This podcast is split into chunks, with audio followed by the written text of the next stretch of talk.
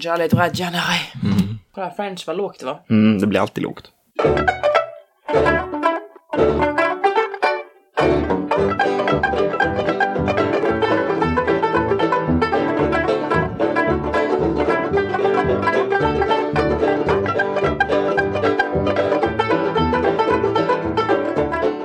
Hej och välkomna tillbaks till Designpodden. Hello!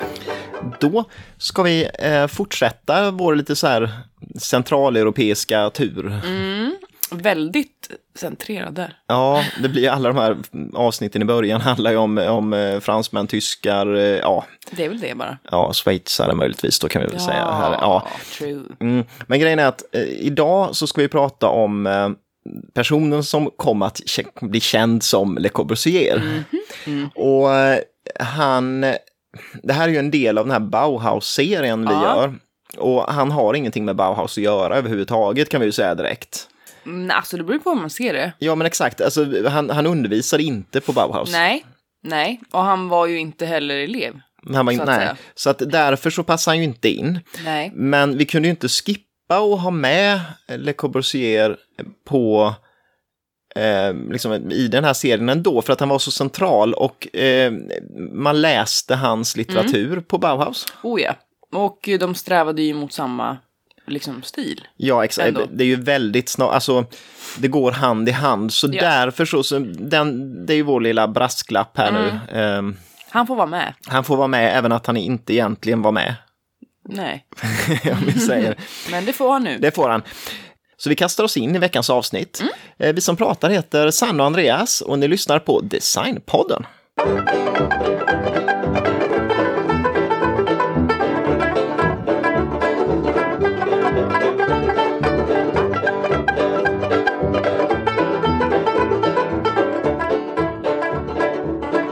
Le Corbusier då? Mm. Eller det hette han ju inte. Men jag trodde nog att han hette det.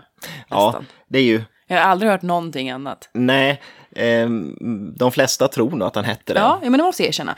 Men han föddes i alla fall den 6 oktober 1887 som Charles-Edouard Jeanneret.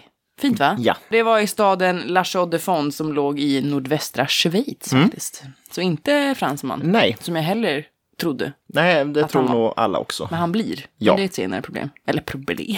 ja, Han var den andra sonen till en Edouard som målade visarna på urtavlor i stadens välkända klockindustri. ja, Och hans mamma Marie Charlotte, jag tänker inte säga det på franska, jag ska inte hålla på så mycket mer egentligen. Men hon var pianist och pianolärare. Mm. 1901, när han var 13 år gammal, så slutar han faktiskt skolan för att hans föräldrar ville att han istället skulle gå en kurs att lära sig hur man graverar och emaljerar urtavlor. Lite liksom... handfast. Ja, istället. men s- stan var känd för det och det blev lite i pappans fotspår. Och, Mm. ja. Så det gjorde han istället. Och den här kursens lärare, han hette någonting som jag inte tänker säga. Nej, Men han är ganska viktig. ja, Så jag ska säga det genom andra medel. ja, Charles Le Platonnier. Ja, ni förstår. ja, vi, vi, vi, vi kan ju inte franska. Nej, gud, det har jag aldrig läst. Så att, eh, ja, han hette helt enkelt det. Mm. Ni får... jag tänker inte säga det, jag skäms. Men i alla fall, Le Corbusier kallade honom My Master. Ja, så att han var extremt viktig då. Ja, och han lärde honom då allt om konsthistoria, teckning och art nouveau. För den här snubben, han var faktiskt konstnär. Jag vet inte vad han gjorde på den här. Jo, det var ju för att de målade visarna. då. Precis. Och de här konststudierna, de, de intresserade honom så mycket att han eh, slutade med det här urmakeriet för att sträva efter att bli konstnär istället. Men den här läraren då, som jag inte tänker uttala, Charles Le Platonnier. han eh, insisterade på att han också skulle studera arkitektur, så det är bara hans förtjänst. Ja, 1907, när han var 20 år gammal, så uppfördes hans första hus faktiskt. Och det ska väl du ja komma in på? Precis, Villa Fallet.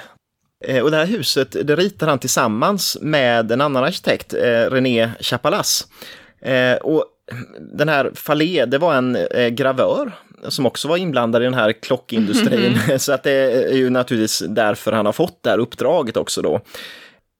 Men det här huset, det påminner inte på något sätt om det man tänker på när man tänker på modernism och så, för att det fanns ju inte då. Nej, Utan det här det var ju art nouveau. Ja, det är art nouveau rakt i, eller schweizisk alpstil som, Jaha. som det klassificerades som egentligen, men det är ju väldigt mycket art nouveau-inslag. Mm. Men naturligtvis, det passade in väldigt bra i det här landskapet som var där. Det var branta tak och det var, ja men som man tänker sig som är Ja, alphusen. jo, jag förstår. Ehm, och planlösningen på huset var helt traditionell, så det var inget nyskapande egentligen med den alls.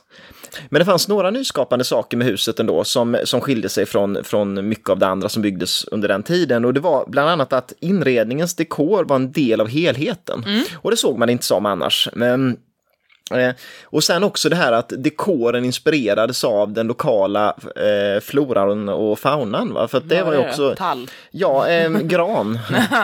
Så att det var Close. stiliserade granar mycket på eh, fasaden och det togs upp då av, av naturen runt omkring. Som man kamouflerades i. Ja, precis. och sen kristallformationer också som också var lite naturnära. Is. Eh, typiskt för huset var en färgskala i varmt gult, rött och blått. Gavlarna var i esgraffito och det är ju, man, det, man har ju dykt på det bland annat i eh, porslin ofta, de som samlar på det, eh, för att det är, det är ju italienska och står för rista egentligen och eh, det är att man, tekniken bygger på att man har en färg kanske som ligger under i murbruket och sen så har man ett murbruk över och sen så tar man bort delar och då får man ett Just det. mönster på det. Och eh, den här underliggande ytan, det var bland annat det här granmönstret och det som fanns i. Så det blir en, en ganska häftig effekt. Och det här är ett det är ju hemskt att det är ett av de snyggaste husen han har gjort, men det är ju Det för att det var just art nouveau-stilen som vi, vi gillar väldigt mycket. Eh, och jag ska inte gå in mer på huset, men det var viktigt av några anledningar, kanske främst just för att det här är inkörsporten då till arkitekturen. Och det ger ju pengar och det ger möjligheter för Le Corbusier att ge sig ut i Europa på eh, studieresor. Så att det blir ju himla viktigt. Och eh, han ritar också ett par hus eh, ganska strax efter till andra inom urbranschen då också. Som, så att nu är det ju igång. Samma år som det här huset uppfördes, Mm. då tar han sin första studieresa. Exakt ja. För det måste man. Mm, det måste man göra. Det gör ju alla. Ja. Han besökte bland annat Florens, Wien, Paris och ja, lite gott och blandat. Han var då lärling hos flera arkitekter under den här resan, för det var ju uppenbarligen det som var syftet. Ja. En av de viktigaste var en August Perret, Mm. någonting sånt, Ja. i Paris. Mm. Som tydligen var en pionjär inom armerad eh, betongkonstruktioner. Ja, det ko- återkommer ju Mm. sen. Spännande. Och där var han mellan 1908 och 1909, för det blir ju en ganska lång resa sammanlagt. Ja. För mellan 1910 och 1911, då var han hos Peter Berns. Ja, och det har ju väldigt, ja, det är också kanske en gemensam nämnare just när det gäller de här Bauhaus, ehm, Precisely va. Och eh, då säger vi väl igen att det var ett av de viktigaste arkitektkontoren i Europa under den här tiden. Bara Ja. så att ni kommer ihåg det. Mm. Sen eh, reser han ännu mer. Jaha, Till Grekland, Konstantinopel, Balkan och lite Mellanöstern. Så han är mm, typ Ö- överallt. eh, Ja. Ja, och de blev ju då såklart otroligt viktiga för hans eh, formspråk sen. Mm. Mellan 1912 och 1917 då var han tillbaka i hemstaden och där utbildade han nu andra istället Jaha. inom arkitektur tillsammans då med den här tidigare läraren som jag inte tänker uttala. Mm. Charles Le Platonnier. Han öppnar nu också ett eget arkitektkontor i den här stan och eh, ritar ett antal villor med armerad betong som stomme. Mm. Han börjar nu också att utveckla en idé om eh, monteringsfärdiga massproducerade hus. Ja, redan då. Mm, och i synnerhet för att hjälpa att bygga upp städer efter det första världskriget. Mm. Det är ju smart. Jo, det är ju, vid sådana lägen behövs det ju. Mhm. 1917 flyttar han till Paris. Mm. Och han jobbar då som arkitekt åt staten. Jaha, statligt anställd. ja. ja. Men i synnerhet under den här tiden så fokuserade han ju faktiskt på sitt konstnärskap. Mm. Han tillsammans med konstnären, Amédée aux enfants. ja, han ja. precis, de arbetade ihop och de förkastade kubismen som var populär under den här tiden. Mm. Som är eh, grundad av Picasso och George Braque. ja. De skrev tillsammans en bok som de kallade för Efterkubismen och där de istället eh, ville etablera purismen. Mhm. Som ni ju kanske hör på namnet var mycket mer ren och det var inte massa detaljer och Nej. krusiduller utan det, var- det var cleant. De startade också en tidning om purismen som de kallade The New Spirit. Jag tänker inte säga det på fr- franska heller, men i alla fall. Och i den här första upplagan av den här tidningen som kom 1920, då tog han namnet Le Corbusier, vilket var en variant av sin eh, farfars namn faktiskt. Just det. För det var tydligen under den här tiden, särskilt i Paris, väldigt vanligt i de här kulturkretsarna att man tog ett namn. Aha, man tog ett, ett sånt där alias. ja liksom. han skulle typ skapa en persona som var separerad. Alltså, för han skrev väldigt mycket och var väldigt kritisk ofta. Och så ville han Mm. var vara bra. en person och så ville han vara en annan i konstnärskapet. det kan jag förstå, man vågar kanske mer om man Ja. är den här alias. Man är liksom Borat när man... Ja. ja. Tänk om han var Borat, då. Mm. hade man ju vågat så mycket som helst. För Le Corbusier han faktiskt under sitt liv eh, med, med att göra hur mycket som helst. Mm.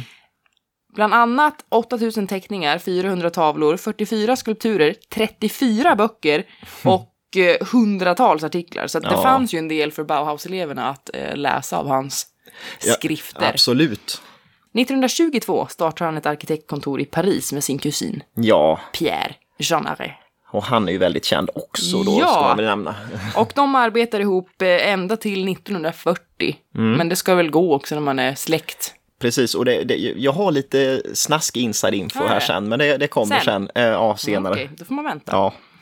Kommande år så gör han flera hus. Bland annat ett åt sina föräldrar Mm. vid en sjö. Ska vi prata om det? Ehm, Du lät så himla... Mm? nej, jag ska inte prata om det. Nej, okej. och en studio åt den här konstnären han jobbar med. Mm. Och 1927, då bjuds han in av Deutsche Werkbund att göra två hus i ett experimentellt bostadsområde i Stuttgart. Ja, och det ska jag prata om. Eh, men jag ska gå tillbaks lite i tiden först, tänkte jag. Gå tillbaks till 1923.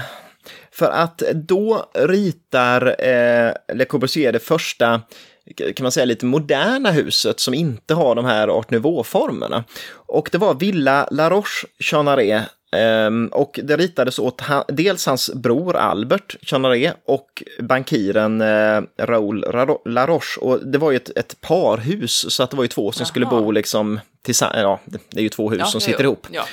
Ehm, och det eh, byggdes i, i en förort till Paris.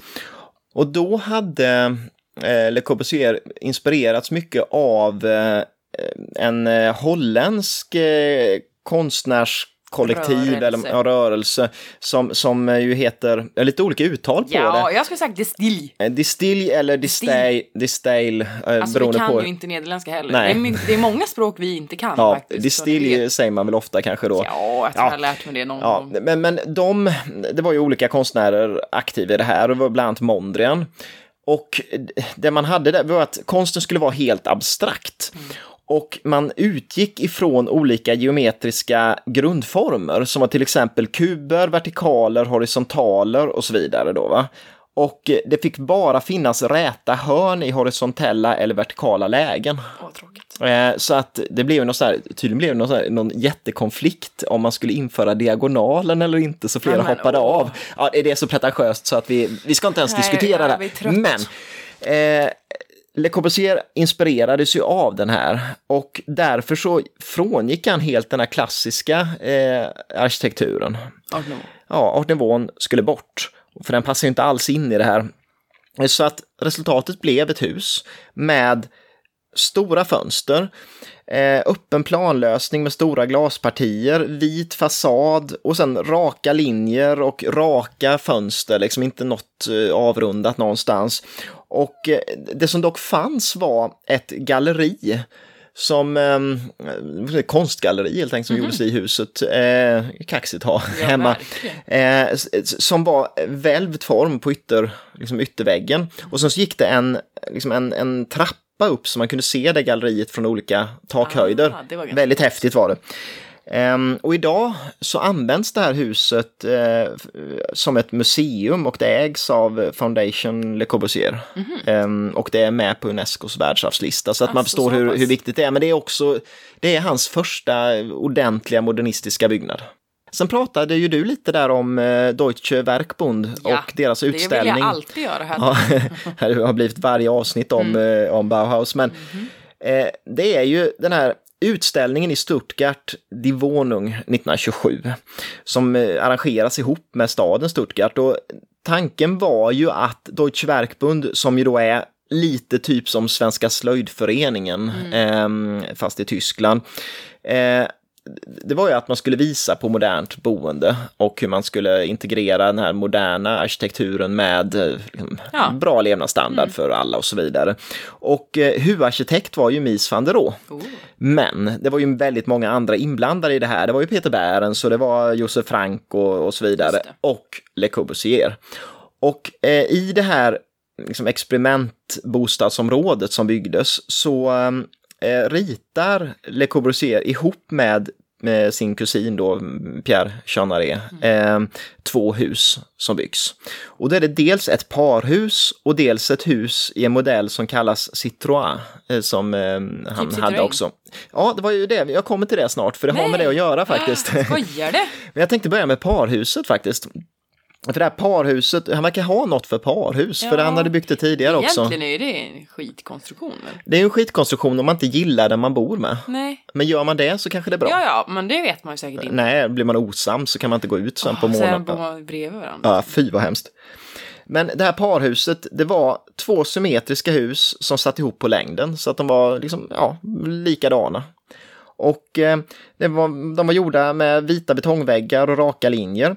Och sen så var det, det som var typiskt för det var väl just ett, ett, ett långt fönsterparti som löpte längs med hela långväggen. Mhm. Och det var kanske också på något sätt tror jag för att visa att inte väggen var bärande element. Ja, lite eh, det var lite så här, det här kan vi göra nu. Men det som var kul med det också, det var att det var tänkt som ett lågprisboende då.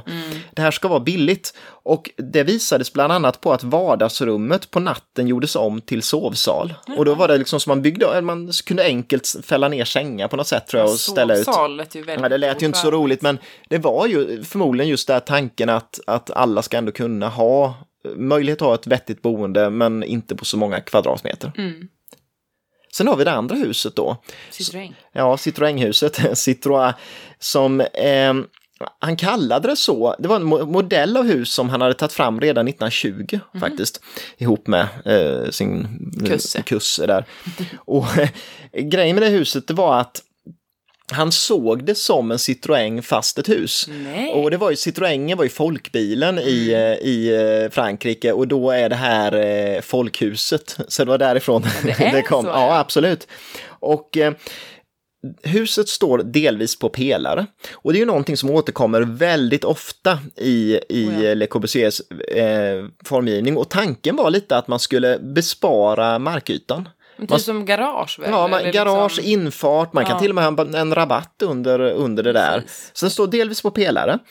Eh, och det finns en takterrass och det är också en sak som Ja, det- återkommer. mm, absolut. och tanken var att man skulle inte offra någon markyta. För tanken var att det man stjäl ifrån naturen av att man bygger huset ger man tillbaka genom Mm. att det finns en takterrass där du kan ha blommor och du kan sitta med solstolarna där uppe. Mm.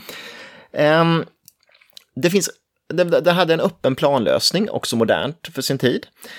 Och eh, naturligtvis då en helt ornamentlös fasad. Det skulle vara avskalat, det var ju där mm, purismen då, som, att, att det ska inte finnas något sånt. Och sen så längsgående stora fönster. Och det är också det går att göra för att vi har bärande element inne i huset. Och det här det kommer det här uttrycket att, att huset ska vara en maskin att bo i. Och jag tänker inte gå in på det, för det har varit sån diskussion om vad det han menade med det, så vi ska inte ens ge oss in i den diskussionen, men man Nej, fattar kanske lite grejen ändå. Jo. Ja.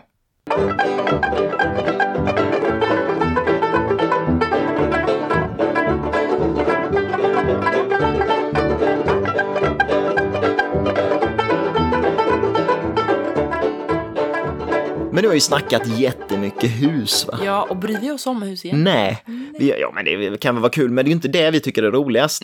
Och nu vill vi snacka möbler. Wee. Och det är ju svårt när, när man snackar om en person som inte har gjort några möbler. Ja, nej, men det är ju det. Eh, Men eh, ändå, det finns ju ett antal designklassiker som det står eh, Le Corbusier på. Och många av dem eh, kom till 1927 till 28. Och eh, grejen var att tidigare så hade han använt sig av mycket turnémöbler i sina projekt. Och det var för att han tyckte att de möblerna var optimala på det sättet att de var liksom, ja, funktionalistiska, trots att det här är ju modeller egentligen som gjordes på 1800-talet redan, Mm. många av dem. Men, men det var liksom avskalat, ändamålsenligt. Men han hade hela tiden en tanke att han ville göra egna möbler. Och 1927, då sätter han sig och ritar upp människans form när hon sitter. Det var inte så svårt. Nej, men alltså just för att tänka, alltså, hur sitter man när man läser, hur sitter man när man eh, liksom sitter och tittar på tv? Nej, men tv fanns inte, men, men, liksom, nej, men hur sitter man i olika, i, olika lägen? Så att det var det som skulle vara grunden för eh, den kommande möbelserien. Men gud, ursäkta, men jag tänkte bara på nu att, att inte tv fanns. Nej. Alltså jag är ju för ung för, Ja, att, ja. för att fatta, liksom, För att fatta grejer, ja. att det inte funnits. sitta och lyssna på radio. Ja, Ja. Men, men liksom, det, det skulle vara grunden, men sen blev det ingenting mer med det. Nej. För att eh, Le Corbusier var ju inte intresserad av att hålla på med möbler, egentligen, rent praktiskt eh, med det arbetet.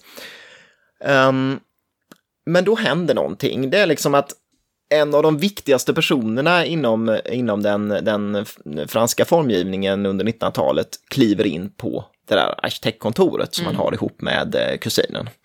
Och det är ju då Charlotte Perriand. Kanske. Ja. Enligt Google Translate. Ja. Och hon frågar om hon ska kunna få jobb där. För hon, hon eh, är arkitekt och formgivare vill liksom jobba. Och då svarar eh, Le Corbusier att tyvärr broderar vi inte kuddar här. Men fuck you. Nej, jag ska inte. Så hon fick gå därifrån. Ehm, men sen då så händer någonting, det är att, att um, eh, Perriand ställer ut en bar i stålrör på um, höstsalongen i Paris. Och då ser ju Pierre Chenanet den här baren och går och hämtar Le Corbusier och säger att titta det finns en jättebra bar här uppe, det är någon vi kanske ska knyta till oss då. Och då ser han ju vem det är då. Så, här, så, så tvingas han be om ursäkt och sen så blir hon knuten till Det var arkitektkontoret. synd att hon ändå behövde det då. Mm. Och då behövde hon det för att hon, hade hon inte gjort det så hade ju, ja, vi kommer till Nej, det. men typiskt. Men ehm, då knyts hon i alla fall till arkitektkontoret och nu är det ju de tre egentligen som är de viktiga aktörerna där. Och om man kollar på Casinas hemsida, Casina är ju den firman som tillverkar eh, möblerna idag. De skriver att, att eh, Charlotte tog över möbelprojektet 1927. Och det får man ju lita på. Men jag letade lite på det där, för det är intressant. För idag om man kollar på eh, någon så här, man ska köpa någon möbel så står det alltid alla tres namn. Det vill säga både... Men det är ju jättebra. Ja, och det, alla tre står med. Men hade alla tre något med att göra? Och då hittade jag en, en intervju med Charlotte eh, Perriand i Architectural Review, heter den från 1984. Eh, där man har pratat just om möblerna som gjordes på arkitektkontoret där 1927-28. Och eh, då skrev, hon, hon sa att, att eh, Le Corbusier vill inte hålla på med det han kallade le bla bla bla. Men, det vill säga det är det här praktiska, det, han vill inte hålla på med möbel, alltså material och grejer. Och då kunde hon, och hon var dessutom den enda av de tre som kunde de moderna materialen med stålrör och sånt. De andra visste inte alls hur det här fungerade och hur man kunde, vad som gick att göra och så vidare. Va? Och samtidigt ville ville ju då Le Corbusier att man genast skulle sätta igång med möblerna. Det vill säga hon skulle sätta igång med möblerna. Eh,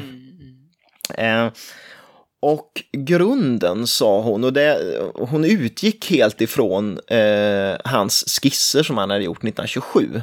Och där hade han ritat upp olika sittkurvor och sånt och hon valde ut vissa av dem som då skulle användas till att göra vissa grundmöbler. Och hur det fungerade på, för det här skulle återkomma till hur det var mellan, mellan Le Corbusier, kusinen och så vidare. Ja. För hon skrev att liksom, hon var ju den som kunde materialen praktiskt. Le Corbusier var ansiktet utåt och Pierre Chenaret var hans skugga som svansade efter. Så att Nej. han, eh, han, han var ju inte heller känd då på det sättet. Så att, men det säger väl lite att han var hans skugga, säger lite om hur förhållandena var på, på Verkligen. kontoret. Verkligen. Ehm, Men jag har kommit fram till vissa punkter här som man ändå kan säga med säkerhet tycker jag. Och det är att mellan 1927 till 37 så var det Charlotte Perriand som var helt ansvarig för möblen. Ehm, Det var hon som byggde de olika prototyperna själv. Utifrån hans former. Ut, ja, men hon byggde dem alltså fysiskt också. Det var hon Jo, som liksom jo, svetsade jo. ihop dem och fixade dem utifrån hans former, absolut. Ehm, sen testades de här möblerna som kom 28 då, som det står formgivningsår, de testades på något som hette Villa Church och jag ska inte gå in mer på det, men, men man använde olika mo- modeller där för att se hur de funkade i praktiken. Det som händer då är att man vill visa ett antal möbler på den här höstsalongen 1929. Och det här är ju den viktigaste kanske liksom, formgivningshändelsen varje år i, i, i Paris. Problemet var att det fanns inga pengar så att man hade inte råd att bygga prototyperna. Mm. Eh, Så att Le Corbusier då som är ansiktet ut och det är bra att han är den som tar kontakt med olika externa aktörer. Han hör av sig till cykeltillverkaren Peugeot. Man tänker ju som bilar idag bara, men, Ja, men gud. Peugeot var ju ett cykelsstall länge i Tour de France och sådär. Jag vet inte om de fortfarande är. Vet. Men han tänkte att de tillverkar i alla fall eh, massproducera saker i stålrör, det vill säga cyklar. Det, så då borde de kunna göra våra möbler, men det vill de inte så de säger nej. Och då hör han av sig till Toné. Och det är så Toné blandas in i det här. Så att Toné går med på att finansiera hela möbelutställningen på den här höstsalongen. Bra. Eh, och efter salongen, eh, för det här visas ju många av de här klassiska möblerna, då tar Toné med sig möblerna tillbaka till fabriken, de här prototyperna, och ska sätta igång en, en, ja, en produktion i alla fall av dem. Problemet är att det blir bara en jätteliten skala för de blir alldeles för dyra och de ser ut på ett sätt som ingen vill ha då Jaha. i praktiken. Det är, Ja, ja, liksom, menar, det, ja. det, det, det är lite före sin tid och det är Jo. svårt att sälja in de här till folk så att i praktiken tillverkas nästan inga möbler. Eh, De finns med i kataloger ibland sådär men, men eh, det är i praktiken nästan inga tillverkade. Eh, Enligt Charlotte i den här artikeln i, i den här arkitekttidskriften så så försökte hon med att man skulle göra vissa saker i trä- böjträ istället. Så att den här schäslongen som är en klassiker som jag kommer till sen, den försökte hon göra i böjträ istället. Det tas fram en sån prototyp, men det blir aldrig någon produktion på den. Och sen då slutligen till vad hon egentligen tyckte om då att Le Corbusier är den som förknippas med möblerna. Då sa hon i den här artikeln att hon struntar fullständigt i det. Och menar att ja, ge honom cred då, han var ju störst namn liksom. Jag vet ju hur det gick till och jag, jag bryr mig inte. Så att ja, det är väl en ganska soft inställning egentligen. Ja, det var ju bra. Och då har vi pratat lite om de här olika möblerna, men inte sagt några modeller eller någonting. Nej. Så jag tänkte jag skulle säga några exempel på möbler i den här serien som kallas LC idag då, och ett nummer. Gissa vad det står för. Ja, vad det står för. och som vi sa innan, det är ju Casina som tillverkar möblerna idag. Det är en liten brokig väg varför Casina är de som tillverkar egentligen. Ja. Och, och det, tydligen beror det på att 1959 så var det en gallerist i Zürich, Heidi Weber, som eh, gillade Le Corbusier. Och hon började tillverka möblerna i Zürich lokalt där, så det finns vissa möbler som hon har tillverkat och de är märkta LC bara i, i stålet. Och det är också hennes fel då, om man ska säga, lite att, att det blir Le Corbusier som står som formgivare ofta på dem, eller liksom är hans namn som står först. Eh, och det är att hon hon, för, hon liksom var ju den som, hon lyfte fram honom och hans konst i huvudsak då va. Ja.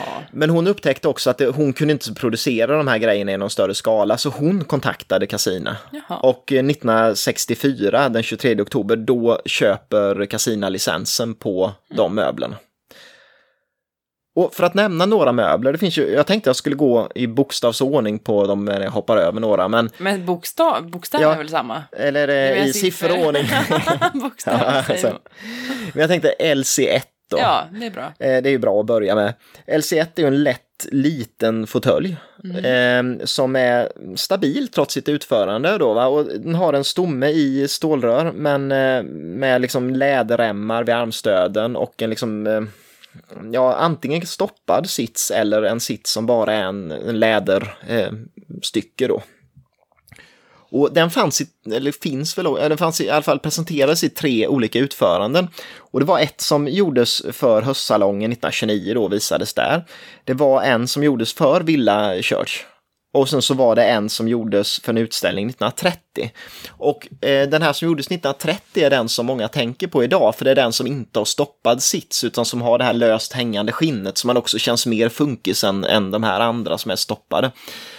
Och eh, Den eh, nypriset från Casina på den ligger i standardutförande på 24 600. Mm och sen finns det en som heter Villa Church variant då från eh, Casina som kostar 28 000. Eh, och så finns det en utomhusmodell också på den som kostar 29 000. Då är det rost, rostfritt stål och sen så något sånt där utomhustyg då, liksom så.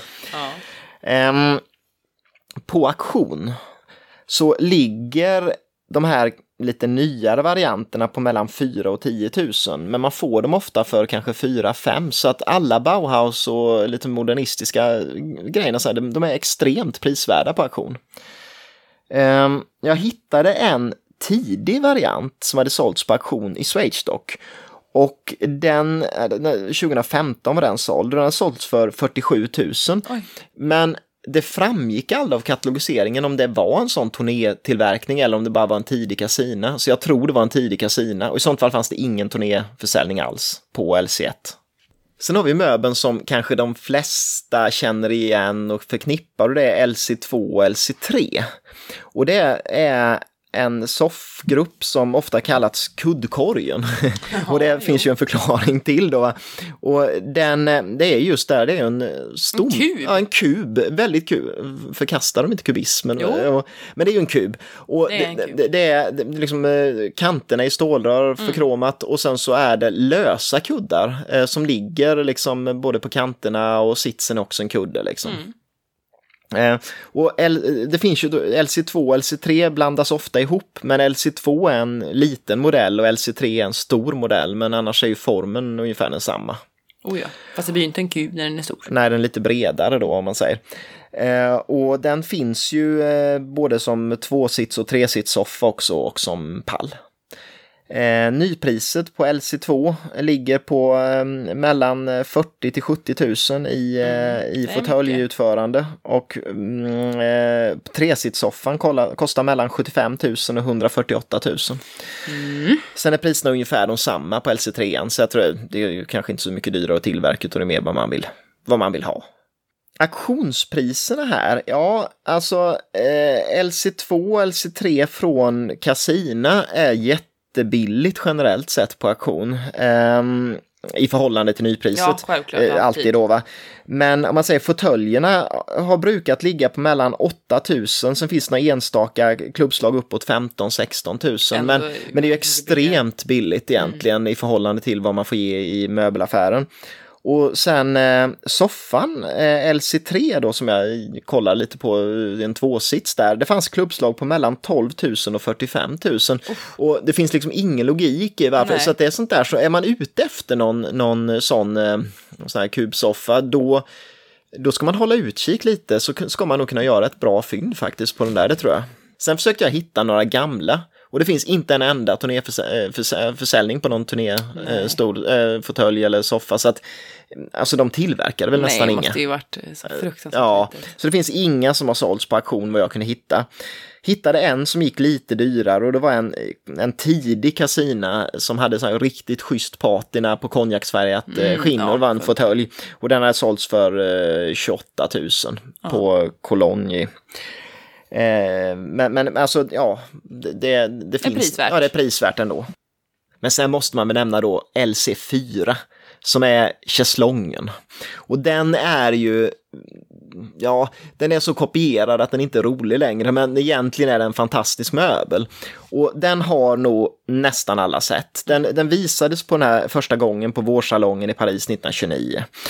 Och den vet man väl med i princip helt 100% i säkerhet att det är Charlotte Perron. Perron. Perrion. Perron. Jag har svårt för det där. Ja, men jag Eh, säger ja, också fel. Jag bara eh, att- låtsas. Ja, men men att, att det är hon helt som står bakom den Ja. och att alla tre namnen finns på är bara en ren, ja, det, det har bara att göra Mm. med att alla stod bakom möbelserien utåt.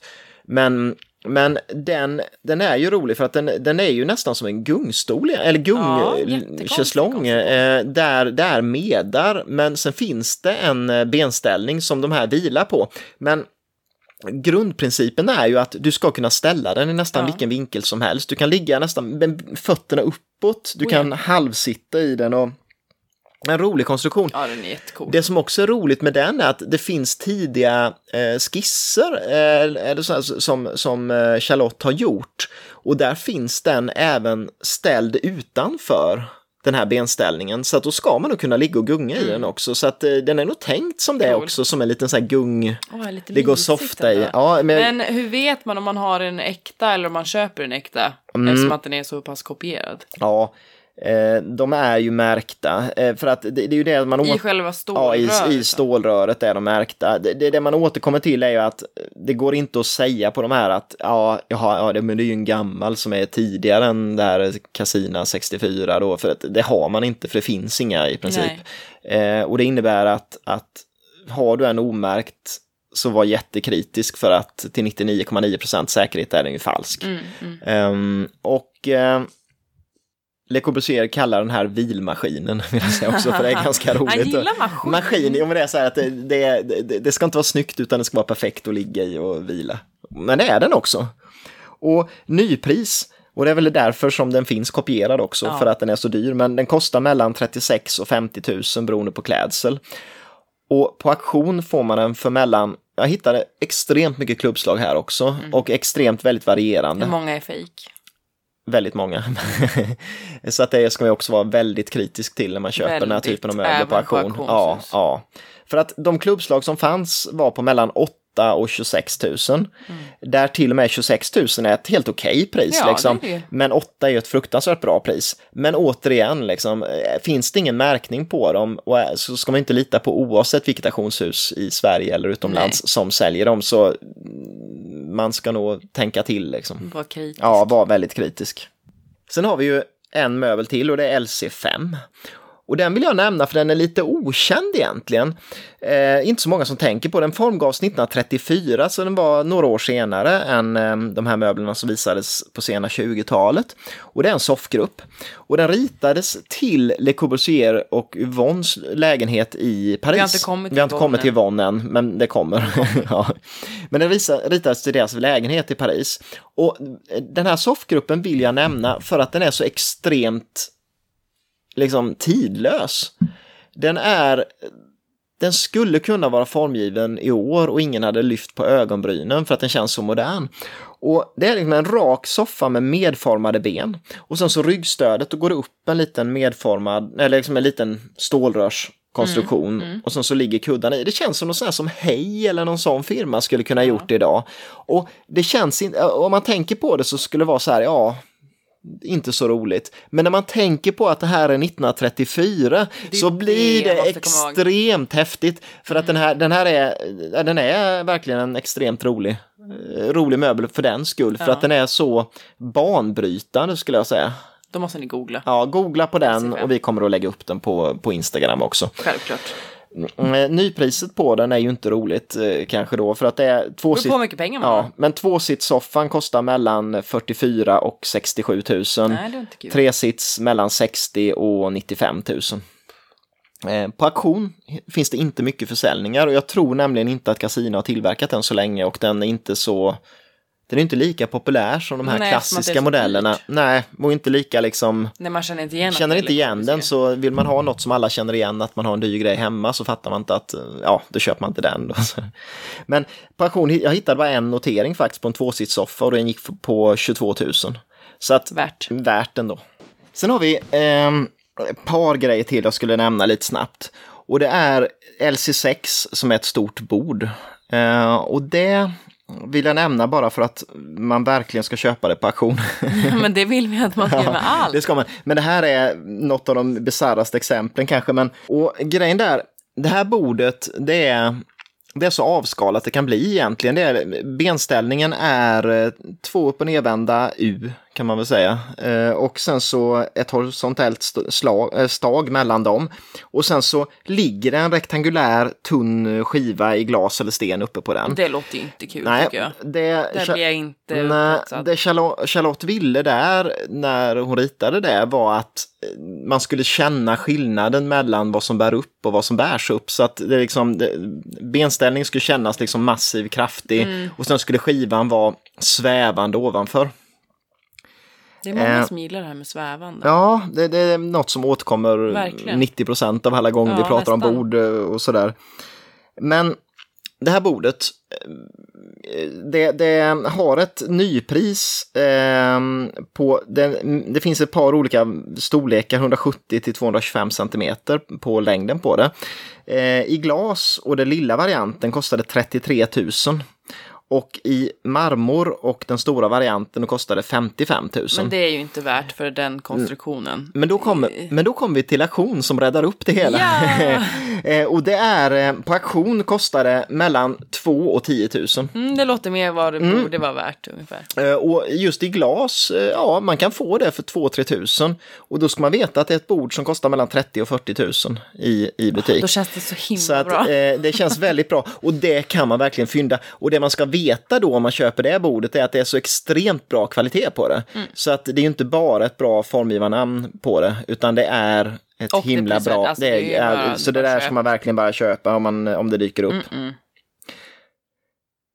Och sen vill jag nämna också eh, stolen LC7. Och där råder det liksom ingen tvekan vem som har ritat. För de andra, då är det ju Charlotte som har ritat dem, men mm, även om hon har ins- liksom fått inspiration och feedback av de andra. Men LC7, det är en liten rund stol med eh, fyra kromade stålrörsben som går ner. Eh, och sen så ett, ett liksom rundat cylinderformat ryggstöd. Då. Och det är en snurrstol det där. Och den ritade hon faktiskt 1927 till sin egen lägenhet i Paris. Men de tar med den i Jaj. möbelserien för att den är så bra. Och eh, nypriset på den, för den finns också i nyproduktion. Och då står alla tre på den också. Det är ju lite, ja, de... ja, men de- tyckte hon att det var Tyckte fine, hon det är så fine. Nypriset är mellan 18 och 26 000. det är en stol? Ja, för en stol. Beroende på om det är skinnklädsel eller Mm. textil och så vidare. Och den finns också utomhusstol. Ehm, snurrstol vill man ha det ute, jag vet inte. Men, men den Varför finns. där? Nej, jag vet inte. Den finns eh, och då kostar den 20 000. Mm. Men på auktion så kostar den mellan 4 och 6 000. eh, Så att det är ju fortfarande billigt men det är ju ändå inom rimlighetens gräns i förhållande till em, liksom vad Oh, ja, designmöbler brukar kosta. Och det gjordes jättemånga fler möbler eh, i den här LC-serien. Vissa gjorde, gjordes långt senare och så vidare. Men jag, jag nämner inte dem nu utan Nej, men då skulle vi få hålla på i veckor. Det orkar inte jag. Nej, Så rolig är han inte nej. faktiskt.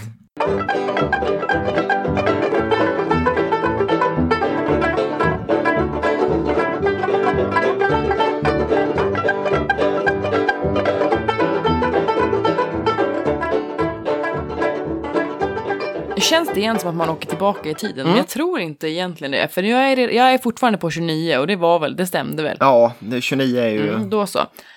Då, det året i alla fall, då gjorde han tydligen ett antal föreläsningar i Buenos Aires och i Rio de Janeiro. Av alla ställen. Jag vet inte faktiskt varför, men det gjorde han. Mm. Och så gjorde han också någon stadsritning till Sao Paulo samtidigt. Mm, mm. Men det roliga var inte det, utan på båten till Buenos Aires, Mm-hmm. då träffar han den afroamerikanska dansösen och underhållaren Josephine Baker. Mm-hmm. Och han påbörjar en romans med henne på den här båten. Okej, ja.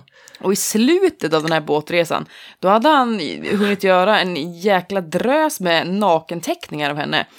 Men, det är inte så kul bara det. Nej. Hon reste alltså med sin man.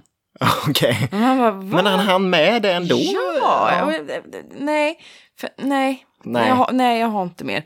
Men för att det är too much.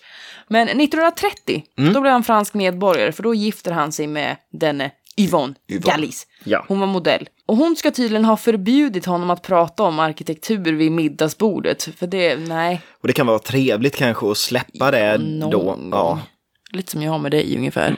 Du vill babbla på om ja, om olika. formgivare. jag bara, nej. Nu släpper vi det. Ja. Men eh, som vanligt tänkte jag säga, det var kanske orättvist, men han har som många andra haft en del utomäktenskapliga affärer. Mm. Behöver inte kommentera det mer, för då blir jag bara upprörd. Ja. det kommer upp lite i falsett. ja. Under 30-talet så gjorde han planer för urbanisering av olika städer. Och det roliga är att han gjorde en av Stockholm. Ja, jag vet. Annars ja, hade jag ja, inte sagt ja. det. För han beskrev att Stockholm i hans ögon, det, det var bara frightening chaos and saddening monotony. Så att det är ju liksom väl, väldigt, ja, det är Hårda inte ord. bra. Och han vill, han vill rensa upp med en lugn och stark arkitektur av stål, glas och betong. Ja. Så det, han hade inte mycket glatt att säga om Stockholm. Och jag skulle skjuta in en grej där. För att det här, det måste verkligen nämnas. För jag hittade faktiskt en artikel i Svenska Dagbladet från, från, eh, från 1933. Där eh, de här olika förslagen i stadsplaneringen över Stockholm presenteras. Och Le Corbusiers förslag är det som lyfts fram. Jaså? Och hans förslag är att man ska riva Norrmalm och Södermalm. Och det är det första man ska göra. Sen ska man bygga, på Norrmalm ska man bygga ett hus med plats för 170 000 personer. Och sen på Söder ska man bygga ett hus med plats för 110 000 personer. Och det, det finns en ritning över det här eh, där han har liksom ritat in hur det här huset ska se ut. Och det, det påminner om någonting ur eh, liksom Blade Runner eller någon sån här framtidsdystopi där, där det liksom är bara en, en jäkla huskropp som sträcker sig fram. Och eh, då tänker man så här, jaha, det här känns ju lite kanske, ja, det har han tagit i. Ja, ja. Hur ska det här tas emot? Bra. Och då, ja, då kollar man på Svenska Dagbladet då. Gotthard Johansson som, han var ju liksom en av de viktiga inom modernismen i Sverige, knuten till Svenska Dagbladet och dessutom ordförande i Svenska slöjdföreningen och så vidare. Men, mm, stort namn. Han skriver så här, perfekt, det här ska vi anta direkt. Men varför då? Ja, jag vet inte, det här är ett, det är ett väldigt speciellt, och det vi ska göra nu, det är att vi ska lägga upp på Instagram eh, en bild på, på ja. det här Det eh, förslaget och sen så lägga den liksom ovanför en Stockholmskarta så man får se, för Ja, att det, här, eh, det ena huset sträck, sträcker sig alltså från ena kanten på Södermalm till det andra. så att, men men man, man både älskar och hatar det här, för att det är ju en person som eh, är totalt respektlös för allting och sen så är det Mm. ju givetvis vidrigt men, men det är ju fortfarande på något sätt lite så här Ja, kaxigt absolut. att rita en sån här många, grej. Många dubbla känslor Ja. jag. Det här har vi faktiskt tagit upp förut, Ja. men i slutet av 30-talet då var han mycket i Eileen Grays modernistiska hus. Ja, ni måste ju lyssna på vårt Ja. avsnitt om Eileen Gray. Hus E1027. Mm. Och där målade han åtta väggmålningar med så här sexuella motiv. Mm. Det kan man göra. Eh, Så att absolut, det måste ni lyssna på, för vi tar ju upp lite mer om honom då. Ja, Tar exakt. vi upp om hans död då? Jag tror det. Ja, det gör vi också, men det, ska vi inte kommer- spoila. No, det kommer. Ja, det kommer. Och sen, alltså ni vet ju 30-tal slutet. Det kommer massa krigstid och jag orkar inte. Det är Nej, inte kul. nej. Och sen 40 och 50-talen var det bara, all litteratur vi har läst var det bara om alla olika projekt han gjorde. Mm. Det intresserar inte mig så mycket, så att Nej. jag, jag har liksom inte mer att, Och att tillägga bjussa där. på idag. Nej. Jag säger att du får det du... Har du något skoj? Ja, Du har det? mm. jo men det har jag ju för att jag har ju Indien här.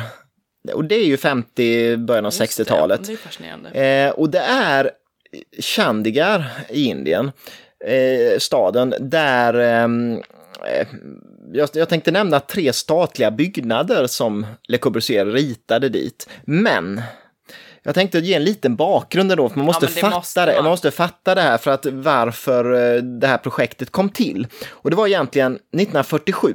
Då blev Indien självständigt från det brittiska eh, storväldet. Då. Och eh, när, när det hände så delades Indien. Så det delades i Indien och Pakistan.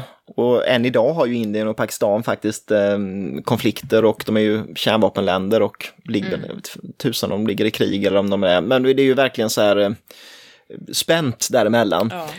Men i norra Indien, del, eh, provinsen eh, Punjab, den delades så att hälften tillföll eh, Pakistan och hälften tillföll Indien. Och det som hände var att huvudstaden, den tillföll Pakistan. Och då måste ju indiska Punjab ha en ny huvudstad. Och den skulle heta Chandigarh. Fick ju historielektion. Ja, en liten historielektion, det är alltid bra. Oh, ja. Men då har vi ett problem här, för nu måste jag uttala en sak och det kan inte jag. Men, men det. Ni, Men what about Google Translate? ja, ja det, det skulle, jag ska försöka ändå. Oh, vågat. Mm, vågat. Ja. För det är att eh, Indiens första premiärminister i alla fall, Ah. han hette Java... Jag vet inte, skete sådär. Javaharlal Nehru. Ja, mm. Men han är i alla fall, han, Indira Gandhis pappa, så att det, är en viktig person i Ja, indisk ja, politik. ja, men. Eh, han jag hade inte hört förnamnet där innan. Eh, han i alla fall, han ansvarade ju ändå ganska mycket för vilka som skulle eh, liksom, eh, få ansvara för Mm, eh, arkitekturen och så i, i eh, Chandigarh. Yes, yes. Och han hade ju inte alls tänkt på Le Corbusier. Varför skulle man ju det i Nej, nej, nej, men alltså han, hade, han var insatt och de- ville ju knyta till sig de bra och stora namnen, men eh, Le Corbusier var inte alls tilltänkt ens. Nej. Nej, alltså han ville ha eh, Albert Meyer och eh, som då tillsammans med en polsk arkitekt som hette Maciu eh, Novici. Maciu hette han väl egentligen inte, men, men Avicii. ja, Novici. Jaha. Eh, Men, och han hette ju inte egentligen Maciu, men han hette det internationellt. Ja, så här, jag, det var något sånt där annat. eh, Ja, han hette inte ens nästan det. Jo, det var något Ja, jag liknande. tänkte om på, han ja. om inte går Men i alla fall, eh, och de blev faktiskt anlitade.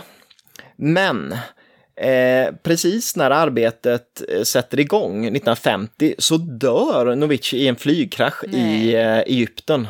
Och då vill väl inte Albert Meyer heller fortsätta projektet. Nej.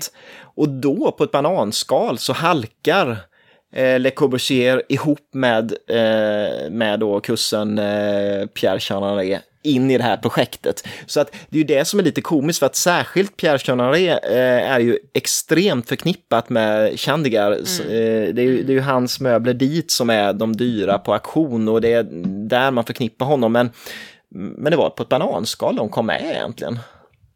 Eller på en räkmacka. Räkmacka får man ju uttrycka Det, det, det som. sa en lärare jag hade. Ja, men det är ett snyggt uttryck. Alltså, jättekonstigt. För att man kan i alla fall halka på ett bananskal. Man kan varför skulle halka jag på en... glida på en räkmacka? Ja, för att det är kul. Självklart. Men ja, 1950 så tillfrågas Le Corbusier, vill du rita de statliga byggnaderna? Hmm. Ja, visst, 17 vill jag det. Och det gör han. Och då vill jag nämna tre byggnader. Eh, och det här är byggnader som man måste googla på. Vi kommer också lägga upp dem på eh, Instagram för att man bör se dem. De är mm, ganska spektakulära. Men den första, det här är, den första jag vill nämna är Högsta domstolen som byggdes 1951 till 55. Låter tråkigt. Ja, och det är en massiv betongbyggnad. Och det Le Corbusier vill visa med den här, det är ju domstolens makt. Så det ska ju vara en, en maffig, ganska respektingivande byggnad. Det ska symbolik. Ja, symbolik. Men den är ju lite cool också på det sättet. Alltså byggnaderna för Chandigarh är, det är coola byggnader som faktiskt eh, är roliga att titta på också. Och eh, grejen är att det är en, alltså själva utvändigt så är det en, eh, något som liknar ett bord höll jag på att säga. Nej men det är två gavlar som är massiva då, och sen så är det ett tak. Ja, just det. Och det är parasollet som det kallades. Det vill säga det skulle skydda mot sol. Och sen innanför det här så finns det två stycken gigantiska liksom, betongblock som är delade åt, ett lite större, ett lite mindre, där själva byggnaden inryms. Och mellan dem så finns det monumentala pelare som går. Och det här är ju naturligtvis praktiskt också för att tanken är att man ska skydda den mot solen. Lite som Prové som vi pratade om det här med att, att eh, det ska finnas ett tak som skjuter ut. Här drar han ju faktiskt det till sin spets, liksom, är genom att göra en yttre konstruktion som helt liksom, lägger byggnaden i skugga. Men Le Corbusier och Privé hade ingenting med varandra att göra. Nej, Det är ändå lite... ja, de hade ju utställt ut ibland samtidigt och sådär, men de verkar ju inte ha varit inblandade Nej, ihop. inte alls faktiskt. Nej, nej, moving on. Ja. Och sen i, på den här byggnaden så som solskydd så gjordes eh, liksom ehm, det, det görs kub, kubistiska eller Nej, fyrkantiga konstruktioner. Ja, men det är ju det. Va, men han gillar inte- Nej, men ändå är det ju det. Alltså kuber och rektanglar som går ut, liksom längre ut än vad fönstren är, så att det liksom skärmar av solen. Så att eh, sett, eh, liksom, men sett utifrån så blir det väldigt så här, eh, det blir som en, en kubformad fasad, en geometrisk fasad. Och eh, en spektakulär byggnad just på grund av det här att själva huset egentligen ligger i lä av sitt eget tak. Parallellt så byggdes sekretariatet som ju är liksom administrationsbyggnaden egentligen för, eh, för eh, politiska styret. Och det byggdes 51 till 58. Och det här är ju en gigantisk byggnad. Den, den var 250, eller nej, den finns ju kvar, 254 meter lång och 42 meter hög. Oj. Eh, ljus betongbyggnad och Le Corbusier menar att den skulle se ut som en eh, cellstruktur och det gör den ju också. Tittar man utifrån så är det geometriska kuber som bildar hela fasaden. Och principen var att man skulle se liksom hur viktig de olika administrationsdelarna som fanns i var då. Va? Så att kuberna är högre, högre takhöjd på vissa ställen. Då förstår man att där är det liksom högre tjänstemän Ja, som sitter och så vidare. Och det är också det här solskyddet på precis samma sätt, det vill säga att kuberna fortsätter ut på fasaden och ger ett naturligt solskydd åt fönstren. Mm, det är ganska coolt. Ja, det är rätt bra, bra byggt. Och sen har vi en tredje eh, byggnaden där och det är församlingen, det vill säga parlamentet, typ som kommunfullmäktige liksom som satt där. Den byggdes 51 till 62, så den, hölls, den byggdes under en längre tid och den här är väl kanske den mest komplexa och den coolaste byggnaden av de tre. Och den påminner om något från Alien kanske eller något sånt ungefär. Eh, och den går inte att beskriva så jag ska inte försöka beskriva helheten men några delar i alla fall. Eh, och det är Uppe på taket till exempel så finns det ett torn som påminner om skorstenen på en, ett fartyg ungefär. Och så finns det en pyramid där uppe också. Varför då? Ja, det, det har olika funktioner i huset. Eh, och sen framför huvudentrén finns en jättestor pool som reflekterar hela byggnaden. Och den här poolen fylls av regnvattnet hela tiden så att man behöver inte hålla på med Nej, så, massa vatten. vatten. Nej. Och ni måste googla på det här för att det är väldigt roliga byggnader. Eh, och de är idag med på Unescos världsarvslista. Mm. Möblerna till de här gjorde Pierre Chonaret. Mm. De är dyra på auktion idag. Och möblerna är också, de är ju en del av det här världsarvet så det är ju diskussion om vad som får säljas eller inte Ja, ja. och det är ganska Mm, intressant klurigt. diskussion. Ja, men eh, det var vad jag hade om, om eh, Indien. Ja, Sen tänkte jag nämna innan du kommer in på, för jag tror att du ska nämna något om hans död va? jo du. Ja. Och, Jag måste ju sluta med, Ja. med döden så att säga. och för att kunna göra det så måste vi nämna För att han ska kunna dö. Ja, men jo, för att kunna förstå var och när och hur och varför. Jaha, så, ja, jaha. Eh, vi pratade ju om eh, Eileen Grays hus Mm. och han gillade ju det jättemycket. Och han, han målade utan att få det och hon Ja, var här i de här muralerna. ja, Ja, och så han gick omkring naken där eh, Ja, hela men det gjorde tiden han jävla äckel. Oj. Ja, men i alla fall, han, eh, han gillade området jättemycket. Som ju ligger ner mot Medelhavet va? Ja, Ja. södra Frankrike. Mm. Och han gillade det jättemycket, men han hade ju inget eget hus där och förmodligen blev hon ju ganska less på honom. Så att han ville, by- han ville bygga något eget och då bygger han det han kallade Le Cabanon. Och det, bygg- den här, det är en stuga eller en liten hydda egentligen nere vid vattnet som han byggde 1951 till 52. Och den var inte på mer än 3,66 gånger 3,66 meter. Så det är en jätteliten Mm, eh, konstruktion.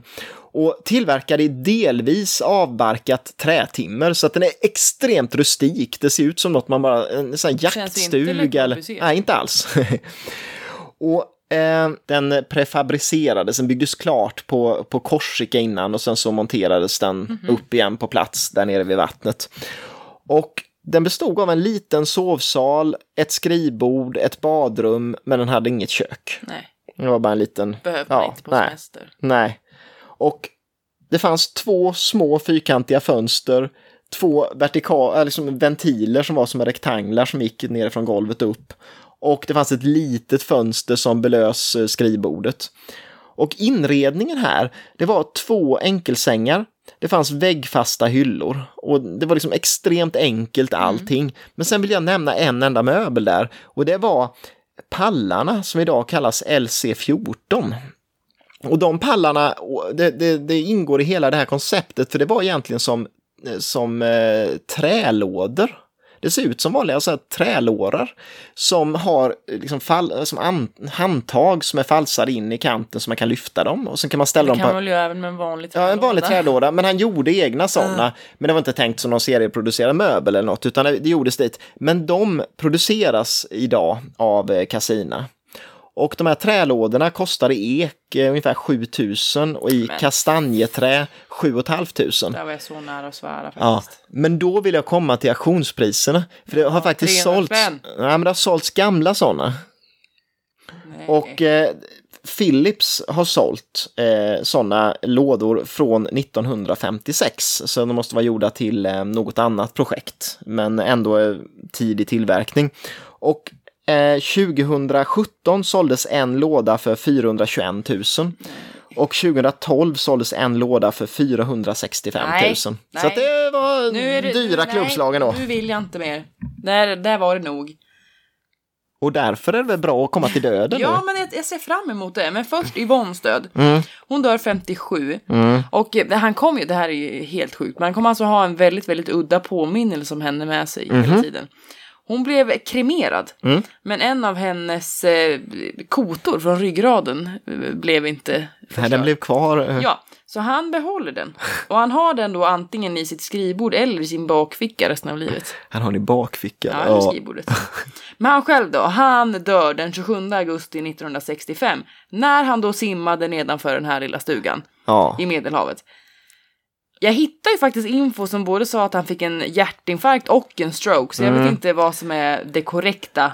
Nej, och jag vet inte om någon vet faktiskt, utan Nej. något hände. Men han var ju gammal. Ja, han var ju 77 år och hans doktor hade sagt att han inte skulle simma så där långt. för Och Han det gjorde simmade han. där varje dag och bla bla bla. Ja, Det var ju någon som hade sett han också och frågade om han ville ha hjälp någon gång när han försökte ta klättra upp. upp. Men Ja. det ville han inte. Men eh, och ja, och han flöt i land någon gång där senare. Och där låg han död. Och eh, ja, han blev inte kvar där utan han begravdes ju bredvid sin Yvonne eh, där. Mm. Jag tänker inte säga eh, kyrkogårdens namn heller, men det var verkligen ett jättefint location där i södra Frankrike. Mm. Och det var ju då en gravsten som han hade designat till Ja, henne. Just det, som, liksom- båda ja, som är ligger liksom under. typisk honom. Mm. Och där är de. Mm. Och det sammanfattar väl hela, hela livet. Det är ju allt ifrån de här, ja, men egentligen allt ifrån Art Nouveau till, eh, till betongbyggnader i Indien. Så det är ganska är brett, alltså. brett. Ja, det är det. Och eh, möblerna är inte han som har ritat helt enkelt. samma briller följde med hela livet. Ja, det är de ju, här runda små Harry jag hade Potter. inte haft, ja just det, det är därför Harry Potter har de här runda. Nej, Nej, det därför kan- han hade det. Ja, just det. ja, nej men det är i alla fall eh, sammanfattning av Ja, Le slut. Corbusier. Men ehm, kul ni har lyssnat. Och ehm, vi kommer fortsätta även nästa vecka med icke-nordiska, snart får vi sluta. Vi har ju kallat oss här eh, 1900-talsdesign med Skandinavien i fokus. Det är ju, Ja, det är ju men- snart inte sant, men vi, vi kommer återkomma till Skandinavien snart här igen. Kanske. Ja, eventuellt om vi inte tycker det är kul på liksom, tycker Ja, men eh, det är kul ni har lyssnat. Det har du sagt. Och vill ni oss någonting, ni kanske tycker att nu får ni sluta med de här gubbarna i Tyskland och Frankrike. Alltså gärna för min del. Ja, men vill ni säga oss det ändå trots Ja. att vi... Ja, Vi vet det. Då- det mejla designpodden gmail.com. och sen måste ni följa oss på Instagram. Jag tycker det, för att annars är det inte mycket att lyssna på om man inte ser sakerna. Nej, det är ju ett problem annars när man bara pratar Ja, om design. Vi heter Designpodden där. Mm, Följ oss på Instagram. Ehm, vi finns på Facebook, men skit i det. Jag Eh, tycker det. För ja, Varför egentligen? ja, Vi tar bort den. ja. Och annars, så, ja. och annars så hoppas jag att ni lyssnar nästa vecka igen. Puss och kram.